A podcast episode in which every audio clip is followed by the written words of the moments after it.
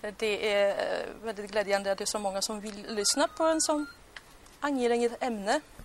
För att de är 290 lokala politiska ledare här i Sverige. Det är precis så många som, som kommuner nu för tiden. Jag har kollat upp, det är 290 nu.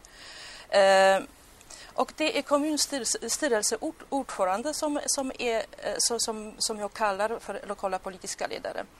För att eh, om vi tänker, om vi inte går långt, utan bara tänker oss här i Göteborg, så har vi våra starke mannen Göran Johansson, eh, så, som är en av kanske, om man skulle vara lite hemmablind, en av de största eh, eh, av, av den här sorten, det vill säga att han är kommunstyrelseordförande.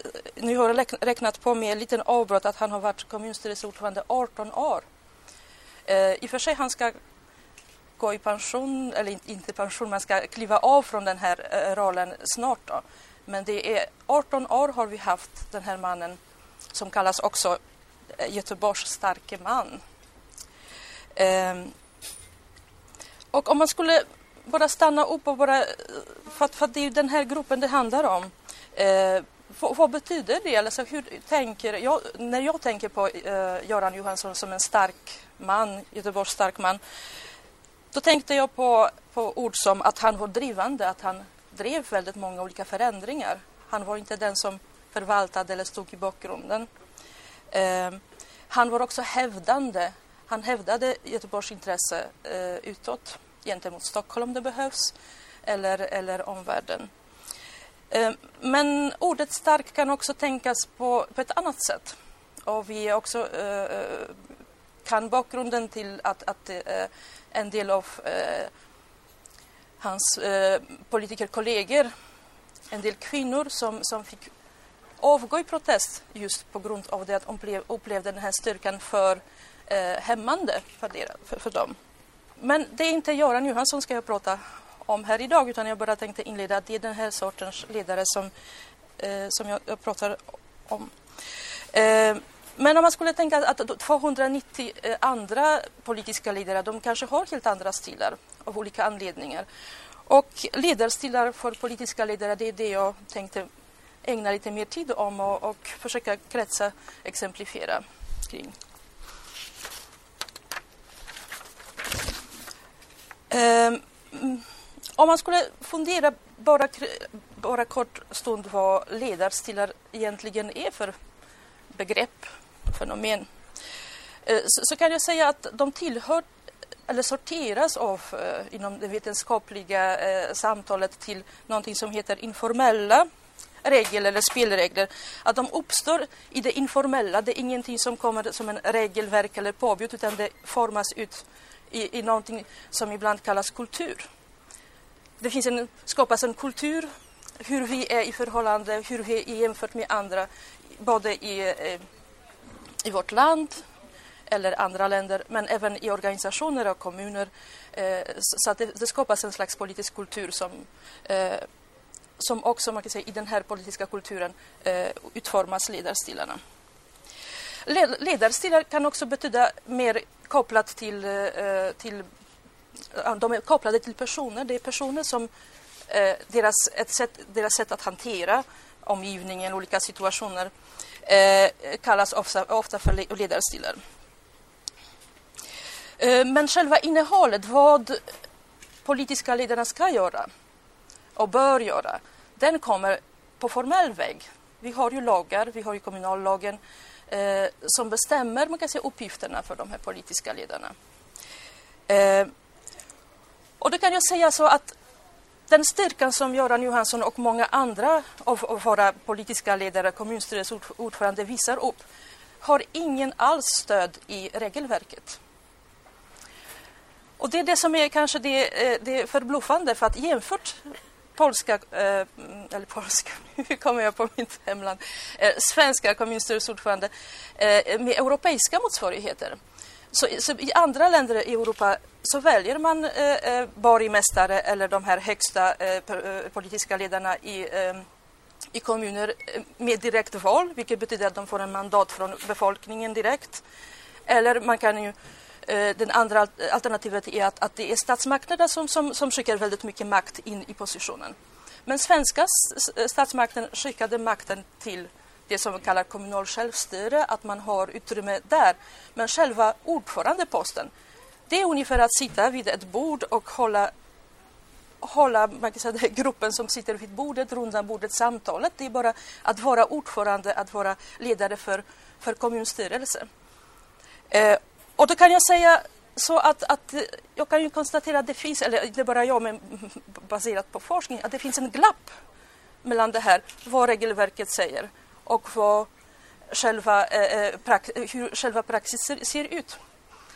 Eh, och då kan man inte stänga, ställa sig frågan, ja, vad ska göras? Är det, är det, är det, ska man nu disciplinera de här politiska ledarna eller ska man förändra äh, regelverket? Och jag tycker att det är regelverket som måste följa äh, utvecklingen av praxis.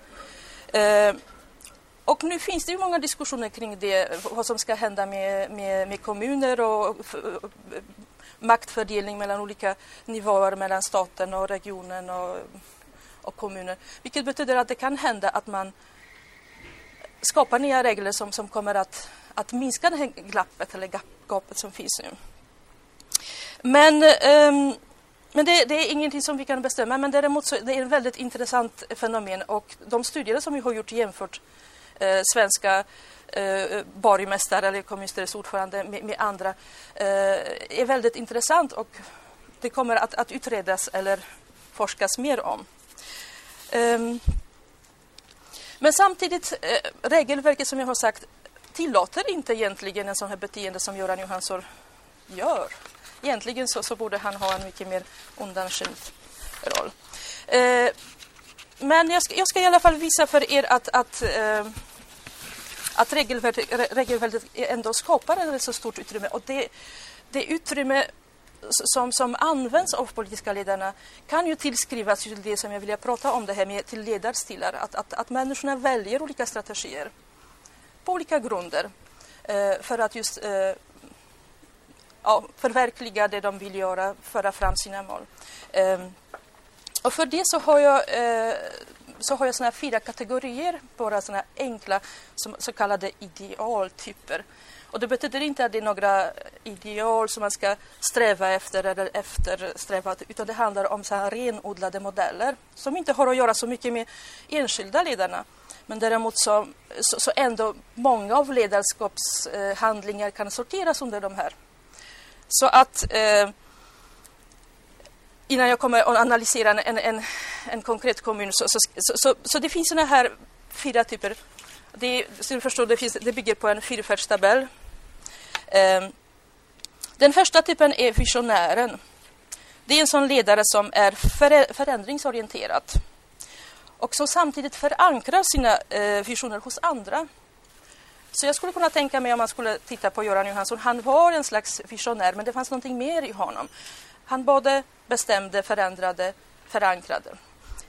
Eh, sen så finns det en annan typ av eh, eh förändringsbenägen ehm, ledare så kallade bossen. Det, det, är han som använder sin makt och som förändrar men genom att koordinera och bestämma hur andra ska göra. Så där skulle man kunna eventuellt i vissa sammanhang också kunna sorteras. Men det är den här typen som man skulle, eh, om man analyserar Göran Johanssons eh, beteende eller beteende, eh, eh, eh arbetssätt. Men utöver det så finns det två andra kategorier av eh, eh, ledarstilar som just eh, är inte så, alltså de, de, de, de är annorlunda i, i förhållande till föränd, alltså hur man förhåller sig till förändringen. Så finns det en kategori som heter konsensusfrämjaren. Det är en typ av ledare som, som har en öppen agenda men delar makten och finner bästa lösningar hos andra. Det är den som mer är i bakgrunden. Och, eh, och den sista eh, ledarstilen som, som, som kommer att vara grund för min analys av, av konkreta eh, ledarna är beskyddaren. Och det, jag kallade honom Pies Grodnika. Någon som förstår? Nej, det finns inga polacker här. Det är eh, trädgårdsmästarens hund. Det, han, han eh, äter inte själv de här äpplena men, men bevakar och låter inte andra äta. Eh, vilket betyder att eh, eh, han deltar inte eller hon deltar inte i koalition eller nätverk, vill inte förändra och låter inte andra förändra så mycket. Så alltså att det, det finns ju de här fyra kategorierna som, som man kan ju eventuellt när man tittar på konkreta handlingar eller handlingssätt kan man använda för att analysera. Och för att göra min analys lite mer verklighetsnära så vill jag eh, dela med mig mina resultat från en studie som jag har gjort eh, eh på 90-talet av en kommun, Ale kommun, eh, som ligger eh, i närheten av Göteborg.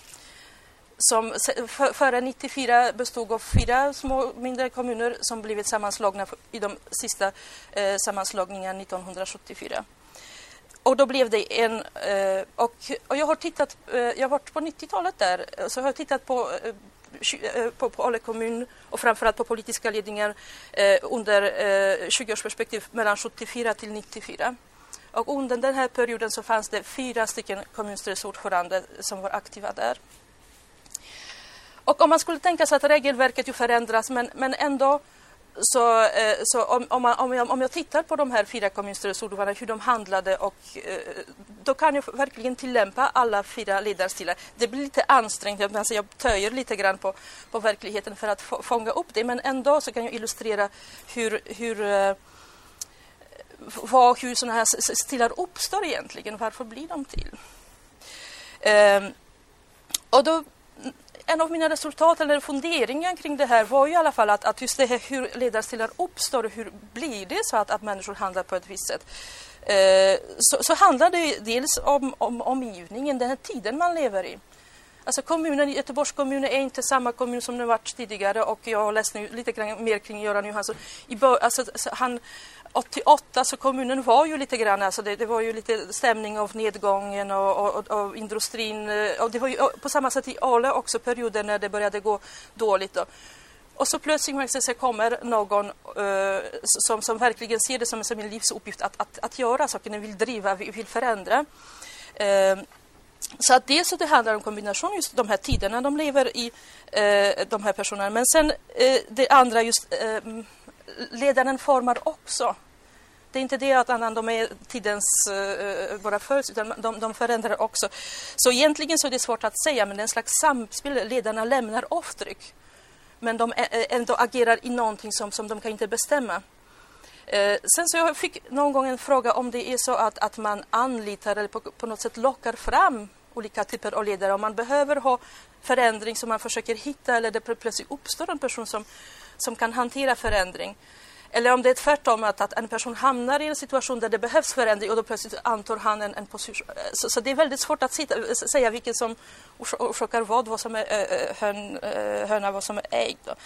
Äh, men, men det måste vara en kombination av, av, av de två. Men samtidigt så finns de här personerna som går in i politiken, ofta så har de någon viss bakgrund också. De kommer från en värld, de oftast, det är ingen föds till politiker utan oftast har man ett yrke, ett, ett sysselsättning innan. Och det också präglar, som jag ska visa snart, eh, just hur man hanterar, eh, hur man, vilka vägar eh, ser man som möjliga för sitt ledarskap. Så att jag går igenom fyra stycken som är kommunstyrelseordförande. Den första var en herre, alla fyra är herrar, nu är det faktiskt eh, många fler kvinnor som har blivit... Eh, eh jag tror att det faktiskt eh, från år till år det är fler kvin kvinnor som, som kommer upp till toppen i politiken. Men på den här tiden så fanns det bara herrar. Och den första herren heter Arne Adels som var kommunstyrelseordförande mellan 74 och 78. Och han kom i en period där man slagit, slagit samman eh, fyra olika kommuner. Om man ser en sån stor förändring. Det är väldigt mycket det är mycket som var i rörelsen. Och då skulle man kunna tänka sig att eh, hans roll var ju det här som skulle stabilisera, som skulle leda till att det skulle bli en, en kommun av det där. Så att jag har ju kallat honom beskyddaren och, och, i det här fallet så det handlar inte om hans instinkt att inte låta andra göra någonting utan snarare att stabilisera, att skapa en, en lugn efter en, en, en, en förändring. För det var väldigt, kan ni föreställa oss, det fanns fyra möjliga, eller fem, eh, fyra möjliga sätt att, eh, att ställa kommunhuset på någonstans. Vilke, vilken, kommun, vilken kommundel skulle man eh, eh stödja? Vilka, vilka skulle få positioner? Så det fanns väldigt många uh, möjligheter eller orsaker till det här att det skulle kunna vara väldigt starka konflikter och låsningar. Men, men, men Arne tog på sig den här rollen att få det ihop, beskydda och lugna ner. Eh, sen eh, från 78 till 86 så fick Ale kommun en ny kommunstyrelseordförande som heter Evald Malm. Och han var en precis motsats eh, eh, ledartyp eh, som Arne Adels. Det var han som han hade visioner. Han ville göra saker, han ville förändra. Jag kallar honom visionär eftersom han var den också som, som förankrade också. Han gick till sin kommundirektör eller till en grupp eller till, till, till andra och försökte få folk med sig för att kunna förändra. Han har dragit in flera olika försöksverksamheter till Ale kommun. Så om Ale kommun inte är känt för er eh, som medborgare eller andra roller, så för kommunfolket är de kända. De hade kommundelsnämnder. Nu, nu har de gått ifrån det. Eh, de hade frikommunsförsöket, de hade primärvårdsförsöket. De försökte, så att, så att de, de drog till sig många olika saker. Eh, relativt liten kommun då. Eh, så, att, så, så, han var visionär och, och sen så man skulle kunna tänka sig, vad var hans drivkraft? Efter att han har varit eh, kommunstyrelseordförande en, en period så blev, det, eh, blev han eget företagare. Så han hade väldigt entreprenörs sätt då. Så, så, att det händer ju lite, eller hänger lite grann med personligheten där hur, hur människorna ändå... Så även om man kan inte säga att det är en personlighetsfråga, men ändå så finns det man kan säga, eh, mönster som vi väljer. Eh, så, så, så Evald Malm lämnade kommunen eh, förändrat, väldigt förändrat, satt på kartan, men ändå rätt så eh, trött, förändringstrött.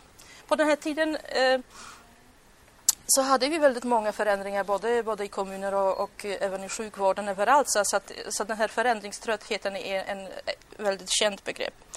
Men då skulle man kunna tänka sig att vem kommer efter? Kommer det en, en boss till eller kommer det en annan? Nej, det, det kom en person som, som kommer med bakgrunden från fackföreningen, med bakgrunden med att kunna förhandla, förena saker. Jag kallar honom konsensusskapare. Det kommer en person som försöker igen eh, återställa en slags ordning och lugn i organisationen. Eh, och få en slags mer förvaltande roll, inte den här byggande... Eh, eh och sen så, nu kommer frågan igen här. Är det så att det är, att det är kommunen som, som gjorde så att han hade den här ledarstilen eller, eller han hade redan den här läggningen när han tog det här jobbet och visste vad som skulle göras? Så det, det, det kan vi inte säkert säga, men det finns en sån tanke i alla fall. Eh, och han var kommunstyrelseordförande fram till 91. Sen från 91 till, eh, till 94, den sista perioden, eh, så, eh, så det hände saker. Fram till 91 så hade man en eh, majoritetsstyre som var S-dominerat. 91, som i övriga landet, vinner borgerliga och en, en moderat politiker kommer till toppen och blir kommunstyrelsens ordförande och han heter Jan Skog. Hans bakgrund var, han var en marin kapten tror jag, att han hade en ledningsposition i, i det, det, det, militära. Han jobbade väldigt mycket med ledarskap. Så, så, kan man kan föreställa sig att när han kom så hade han väldigt många idéer kring sin ledarskap när han kom in. Och samtidigt så, så, som man tyckte efter den här förvaltande typen, nu måste det hända saker i Ale kommun igen. Jag kallar honom boss, eller kategoriserar honom boss. Och det handlar inte bara om bakgrunden, utan det handlar också om den här ledarstilen som han hade. För det handlade väldigt mycket. Jag har varit faktiskt observerat, för att på den här tiden har jag gjort mina studier, observerat kommunstyrelseordförandes möte. Och då klubban gick på det här sättet. Så det, det handlade om att, att eh, eh, eh, läsa snabbt, gå snabbt igenom, alla ska besluta och det skulle hända saker hela tiden. Så att även i framtoningen så, så, hade han... Jag kan säga så att under de här fyra år som kommunstyrelseordförande så mjuknade han till så han det av, av stor bas så blev det lite, eftersom det kommunala tillåter inte det här sorters beteende. För det handlar väldigt mycket om förankra och diskutera och, och, och vara med.